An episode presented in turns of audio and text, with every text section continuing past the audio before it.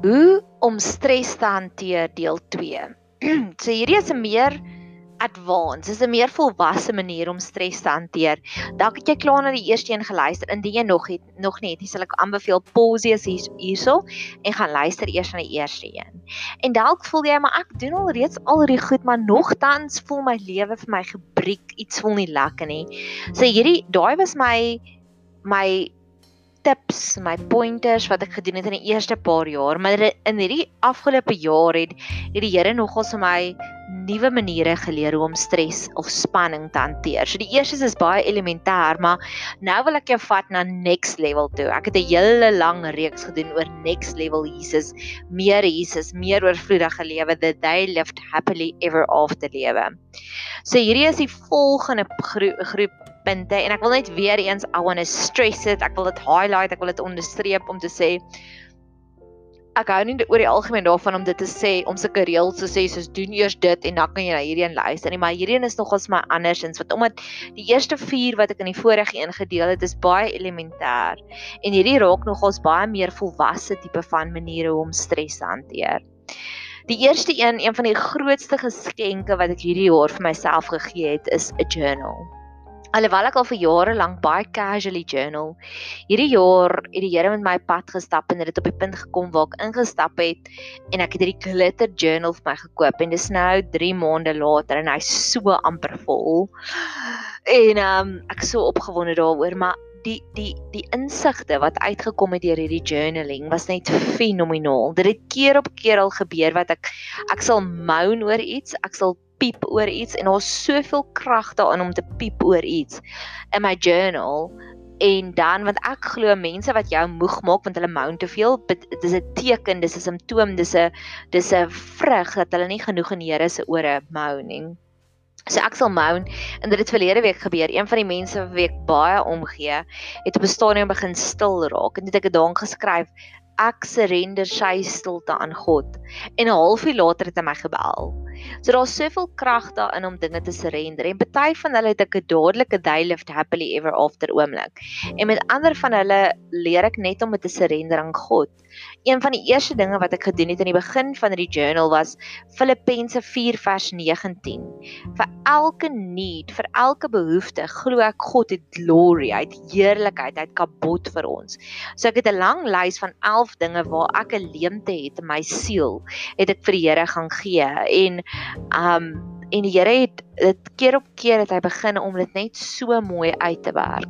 En wat dan in tussentyd gebeur is as ek weer, want jy weet daai prentjie van die engeltjie en die duiweltjie op jou skouer, ek glo dis reëel, nê. Nee, ek glo dis daagliks so stryd. En daar's God se gees aan die een kant en die duiwel aan die ander kant.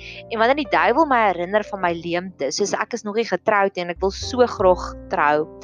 Um as jy by daaraan dink en jy's naby aan 40 Nadia en dit dit dit dan sal ek net sê ek het dit klaar vir die Here gegee en dan surrender ek dit net so. En dit is da dadelik amper asof daardie kalmte sommer dadelik oor my kom. Rob Bell, een van my gunsteling teachers, praat gereeld in sy preke en sy podcast en sy teachings om te sê you have done the work. Jy het die werk gedoen. En baie keer om op 'n emosionele volwasse punt te kom, vat harde werk. Dit vat 3000 klein stappies sonder dat jy enigsins resultate sien. En baie kere dis wat ek myself sê is ek doen net nou die werk. En baie keer soos ek sê, soos wat verlede week gebeur het wat ek surrender het dat daai persoon is stil en ek het eintlik na hom verlang, het dit het God 'n halfuur later het ek gekry wat ek wou gehad het, maar ander kere vat dit 'n lang tyd. Dit is 'n langer termyn saadjie wat jy plant. En so te loops op daai onderwerp. Ek het al die storie gehoor van bamboes. As jy bamboes plant, in die eerste 4 jaar groei die bamboes omtrent net 15 cm bo die grond. Maar in jaar 5 kan hy tot en met 25 meter lank groei. So baie kere is ons gebede is dit 'n bamboesplantjie en ander kere is dit 'n mikrohoop wat sommer 'n dag later is die plantjies al klaar reg. So leer ook om onderskeid te tref van is hierdie 'n bamboesgebed of is hierdie 'n mikrohoop gebed? Of nog 'n voorbeeld is is hierdie 'n slow cooker meal beestert wat jy insit en dit bly vir lank 6 tot 8 ure en dan sit eers gaar of is dit 'n snitchel en dan sy reg. So baie kere dan dan dink ons maar God het ons nog nie gehoor nie en ons stres nog steeds daaroor. So dis net om daardie wagperiode makliker te maak. So as jy vir jouself die grootste geskenk wil gee, koop vir jou journal en maak tyd om te gaan journal om te sê dis wat my gelukkig maak, dis wat my hartseer maak. En op 'n stadium wat ek ook gedoen het oor die dinge wat my hartseer gemaak het, ek sou notas daarvan gemaak het in my dagboek want ek het 'n journal oor wat ek baie privaat is en dat ek 'n dagboek wat ek oral saamvat. En as daar iets is wat my ontstel, dan sal ek 'n nota daarvan maak en dan sal ek hierdie podcast gebruik om te sê ek is ongelukkig oor dit en ek wonder daaroor. En net die oomblik wat jy die label op daai probleem sit, daar's iets geestelik so profound wat daarmee gebeur. Die oomblik wanneer jy piep oor iets, soos Hierdie naweek het ek 'n verpligting en ek sien glad nie uit na hierdie verpligting nie. ek het natuurlik gebid dat iets verkeerd sal loop en dat dit nie deurgaan nie en um maar dit gaan nou deur. Maar in elk geval net die oomblik wat jy piep daaroor, dis asof God dan vir jou daardie krag begin gee. So dis my eerste tip wat ek wil gee. My eerste wenk kom ek praat nou maar mooi duidelike Afrikaans, nie anglisistiese Afrikaans nie, is om te sê leer om te journal, leer om labels op al jou probleme te sit. Die volgende een is 'n kraak vars getuienis teen spanning, teen stres. En dit is indulge. Indulge. Geniet die oomblikke. Want ek glo baie keer is dit God vir ons lekker dinge voor ons, 'n lekker kuier met 'n sussie, met 'n boetie, 'n lekker verjaarsdagpartytjie, maar ons is so gespanne. Ons geniet nie daai oomblik nie want ons stres oor dit wat môre moet gebeur. En die Here is so amazing want dis wat in die afgelope 24 ure in my lewe gebeur het. Ek werk 3 dae 'n week, party dae net 2 dae 'n week en dan die res van die week is dit bedsewer dae. So of ek maak podcast of ek antwoord op my WhatsApps of ek doen Bybelstudie of ek doen navorsing. En gister was 'n bedsewer dag. Maar die vorige aand, Dinsdag aand 9uur het ons krag afgegaan.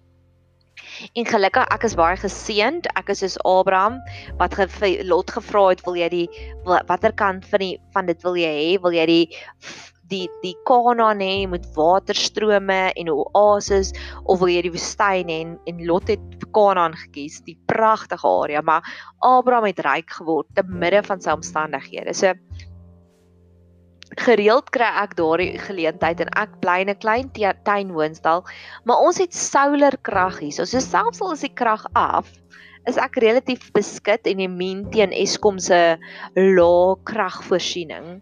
So gisteroggend ek wakker word en ek sien die krag is nog steeds af en dis reënerig en dis bewolk, toe weet ek, okay, die solar gaan so met stuk stuk inkom. So ek gaan nog steeds voor my laptop kan sit. Ek gaan waarskynlik net nie 'n koppie koffie kan maak nie, want daai vat te veel van die krag en dit moet nog eers bietjie opwarm. Die son moes nog 'n bietjie langer gewees geskyn het. En korra na die eerste boodskap ingekom van een van my vriendinne wat hier naby my bly om te sê kom ons gaan doen dit want daar's nie elektrisiteit nie. En ek het oorgegee daaraan en ek het gesê goed, ek is eintlik lus vir koffie, so kom ons gaan drink 'n koffie hier naby.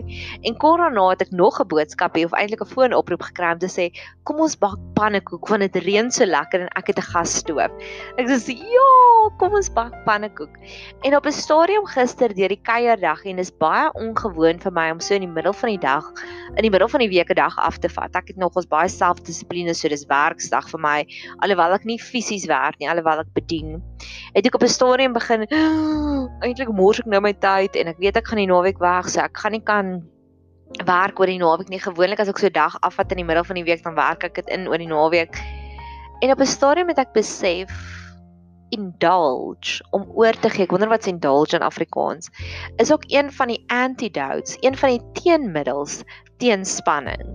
So mag jy ook net leer om te indulge, om vir jouself lekker oomblikke te skep te midde van die storms. Want vir oggend kon ek nie wag om te begin net met hierdie met hierdie pot gooi nie. Inteendeel, die eerste een moes ek twee keer maak want hy het nie uit nie deur gegaan nie. So ek het hom al toegegee. Okay, indulge in Afrikaans is begunstig met bevredig. Dalk is bevredig om oorgee, inwillig, koester, toegee, toestaan, verwen. So bevredig. Leer om vir jouself daardie lekker oasisse van lekker tye op te souk daarmee. Leer om jouself te bederf. Want te midde van hierdie storms is daar altyd geleenthede waar ons onsself kan bederf. En dalk is dit iets klein. Soos vandag is nog 'n koelerige dag en ek probeer myself te beperk met twee koppies koffie 'n dag.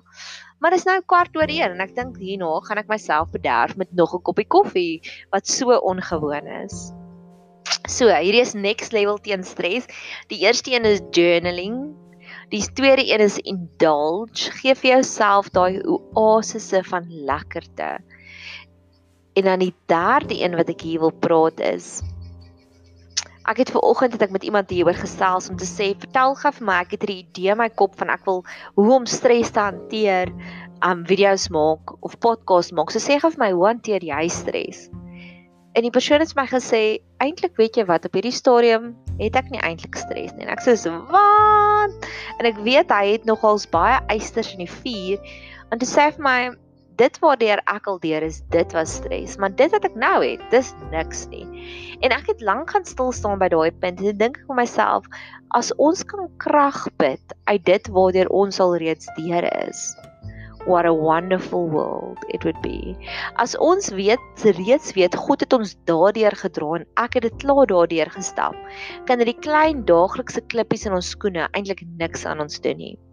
Een van die ergste dinge wat nou ooit met my gebeur het was ek was in 'n motorongeluk en ek het nie versekerings gehad op daai stadium nie. So ek myself daarvoor betaal en ek het nie voorsiening gehad daarvoor nie. En ek kan onthou die ongeluk het gebeur en 3 dae later was ek met vakansie. En as ek nou moet terugkyk, hoe het ek daai vakansie, hoe kon ek nie net in 'n stresbol gewees het op daai stadium nie. En dit was 'n lang getuienis, maar nou kan ek amper sê al die ander klein goedjies is is "Ag, oh, maar die Here het my daardeur gehelp." So natuurlik sal hy my hierdeur ook help. So dank kan jy vir jouself 'n lang lys gemaak van die ergste dinge, die ergste periodes waar jy al reeds was, net om dit in konteks te plaas, want dit is wat vir my vriend vanoggend gehelp het wat hy gesê het, as ek moet terugkyk op daai stadium in my lewe en ek gaan dit heeltemal anoniem hou om net sy privaatheid te beskerm, maar hy het 'n spesifieke periode gehad en hy het baie uitgebrei oor hoekom was dit spanningsvol vir hom toe en hoe dit hom gebreek op soveel vlakke. Sê vir my dit waartoe ek nou deurgaan is niks. En dis baie kere as ons net terugkyk en besef maar oh, daar op daai stadium was dit eintlik soveel erger, maar God het my reeds daardeur gedra. En dan het ek nog 'n verhaal op daardie punt van dinge waartoe jy alreeds deur gewerk het.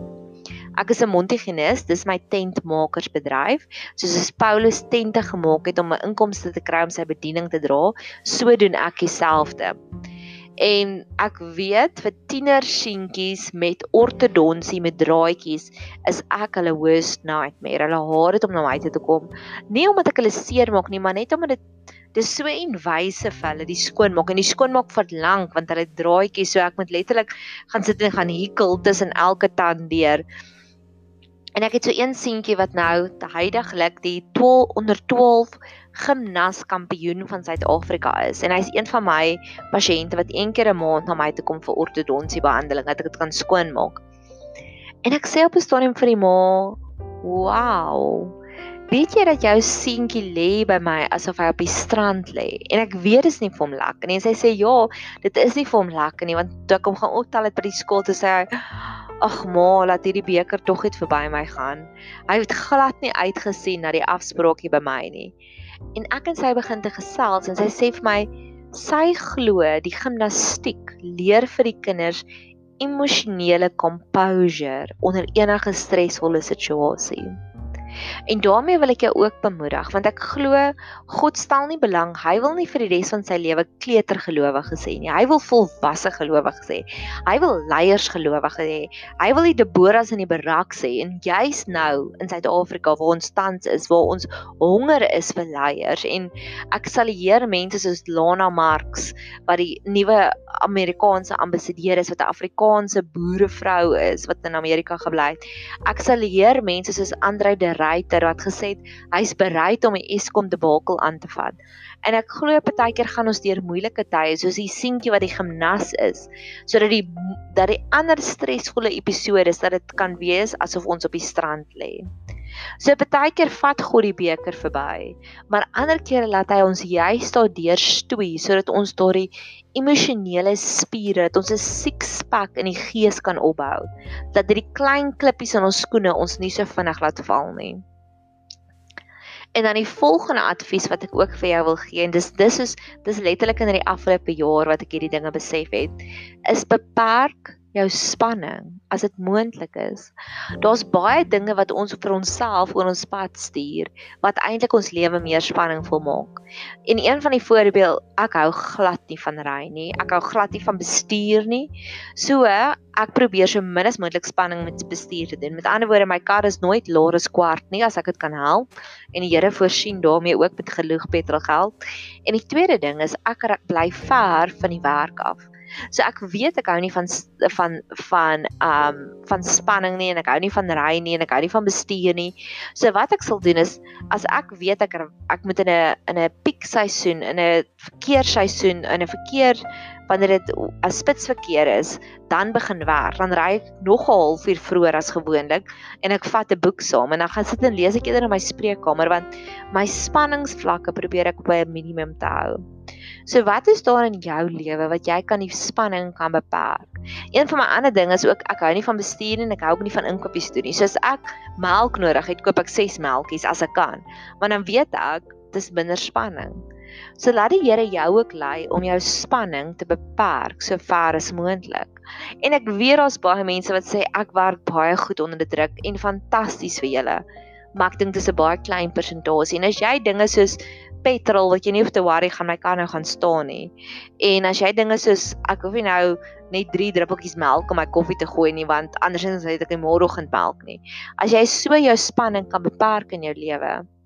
I think to myself what a wonderful world. En dan het ek nog twee storieetjies waarmee ek wil afsluit. So ek wil net gou-gou weer recap. Die eerste een is journaling leer om te journal, leer om te piep, leer om labels te plaas op jou probleme. Leer om oor te gee en daardie genietvolle oomblikke te geniet, om present te wees in hierdie teenwoordigheid en vir jouself die toestemming te gee. Ja, dit is 'n Woensdag en ja, ek is veronderstel om potgoeie te maak, maar weet jy wat? Hierdie maak nou my liefdesdentjie vol en ek weet môre gaan ek dubbel soveel produktief wees as ek vandag is. Die derde een is gaan maak 'n lys van die ergste dinge waartoe jy al gewerk het. En sê vir jouself dit waartoe jy tans werk is nie 'n patch in vergelyking met die ergste een nie. En die vierde een was die gimnas storie. So baie keer vat die Here die beker verby. Ander kere leer hy vir ons hoe om muscles, hoe om spiere, hoe om 'n six-pack op te bou in die gees. En dan die laaste een wat ek sover gesê het is beperk spanning. En die volgende een is ook 'n verhaaltjie wat ek meer het as wat ek het. Dis 'n dis 'n advies eintlik, maar ek hoop ek plant die saadjies dat jy dit ook kan sien. 2019 was sover vir my 'n baie uitdagende jaar. Daar het baie dinge gebeur Sommiges was onverwags, ander was 'n antwoord op gebed, maar dit was dalk nie 'n lekker antwoord nie. Maar vroeg vroeg in die jaar is my ouma oorlede en alhoewel sy siek en fragile en kwesbaar was, dis nog steeds 'n rouproses. So aan die een kant was ek dankbaar dat sy sy is oorlede, want ek weet sy's nou baie gelukkiger in die hemel, maar nogtans gaan jy deur 'n rouproses. En ons het dit geweet, ons het dit verwag, maar jy het nog steeds as jy deur rou. So dinge wat gewoonlik vir jou makliker is, is ewe skielik vir jou baie moeilik weke. En tesame met dit op daai stadium het ek deur 'n baie groot liefdesteleurstelling geworstel. Iemand wat baie vinnig baie naby my gekom het en ek gedog het dis die antwoord het regtig vir ek het 'n gedig daaroor geskryf uit my hart gevat en my alreeds brose hart 'n triksvy massage gegee, nê. Nee. En daar was nog een of twee ander klein klippies in die skoen wat ook nie vir my lekker was nie. Maar op 'n stadium het die Here dit so vooruit beplan dat ons het 'n ons het 'n 'n uitstappie, 'n vakansietjie beplan, ek en twee van my vriendinne Kreer Wildtuin toe. En op daai stadium wat ek regtig waar emosioneel glad nie op 'n goeie plek was nie. En as ek ook nou terugkyk na die podcast wat ek op daai stadium gemaak het, dit was meer gebede as wat dit getuienisse was. Dit was regtig waar intense noodkrete na die hemelkamer toe weet ek ek was regtig op 'n baie slegte plek toe. En ons het ingery by die ons was Kreer Wildtuin toe, ek en die twee awesomeste vriendinne. En ons het lekker musiek geluister en ek het my sonbril aangetree en ek het kan onthou ons het net in die kreer, ons het op so 'n grondpaadjie gery en ek het so halfpad so uitgekyk na die son wat ondersak en daar was 'n trop buffels voor ons op die pad. En ek het by myself gedink, die kreer is altyd 4 ure weg. As dit weer so moeilik gaan, kan jy net weer 'n kreer trip reël. En ja, dit was gaga en ek los al die gaga terug in Pretoria, maar op daai oomblik is die kreer net 4 ure weg. En op daardie oomblik het ek rus in my siel gekry. En mag jy ook in enige omstandighede waarin jy is, mag jy ook vir jou daai ek noem dit die kreer vrede. Mag jy daai kreer vrede kry van ja, daar is gaga goed, maar op hierdie oomblik is die musiek mooi op hier en ek kan nog onthou ons was in die winter daar, so dit was yskoud hier en ek het met 'n lekker so, somersrokkie daar rondgeloop en dit was lekker weer daar. En ek het 'n bietjie van 'n tan gekry en Vitamiene D deur my op my vel gehad en dit was net so 'n kosbare oomblik. En die oomblik toe ek weer terugkom in Pretoria was dit asof ek weer moed gehad het om aan te gaan daarmee. En dan wil ek afsluit en hierdie is weer eens nie nog 'n to-do lysie nie. Dis net 'n storieetjie wat jou hopelik sal inspireer. Ek is besig om The Book of Joy te lees wat die Dalai Lama en die Archbishop Desmond Tutu saamgeskryf het. En hulle praat daar van 'n blydskapsimmuniteit. Hulle sê hulle soos soos jou immuunstelsel, as jou immuunstelsel sterk is, kan al 50 mense met griep rondom jou wees en jy sal nie siek raak nie. Maar dis net op die oomblik wanneer jou immuunstelsel aangeval is of verlaag is wanneer jy die siekte kan kry. En hulle vat daai selfde teorie met blydskap maar ek wil dit uitspreek oor jou lewe en oor my lewe. Mag ons 'n vrede immuniteit opbou, 'n hoë vrede immuniteit, want ek glo dis wat met Sedrag, Mesag en Abednego gebeur het. Hulle was in die vuur, maar hulle het ongedeend, onaangeraak daar uitgeklim. Mag ek en mag jy ook daardie natuurlike buffer kry. Mag God vir ons 'n bulletproof vest aantrek dat die dinge wat ons vrede moet kom steel eintlik glad nie enige impak daarop sal hê nie. So ek wil afsluit, recap, journaling, leer om te journal, leer om God dinge oor te gee aan God om dit ten volle te surrender. Leer om te indulge, om die lekker oomblikke in die lewe te geniet. Maak 'n lys van die ergste dinge waartoe jy al deur is en jy sal sien dat dit waar jy tans werk is nie 'n patch in vergelyking met dit waar jy tans werk nie. Die gimnas pasiënt wat want baie keer vat God die, die bitter beker weg vir ons en ander kere drink ons hom sodat ons kan volwasse gelowiges raak. Beperk jou spanning. Soos ek gesê het is ek probeer om nooit met my kar laer as kwart te ry nie my kreer trip. Mag jy daardie kreer vrede kry van daai oomblik van alhoewel alle dinge nog sleg is in my lewe, ek kan pause druk en net hierdie oomblik opgeniet. En mag God vir my en vir jou seën met 'n hoë vrede immuniteit. Mag jy baie seëning hê vorentoe.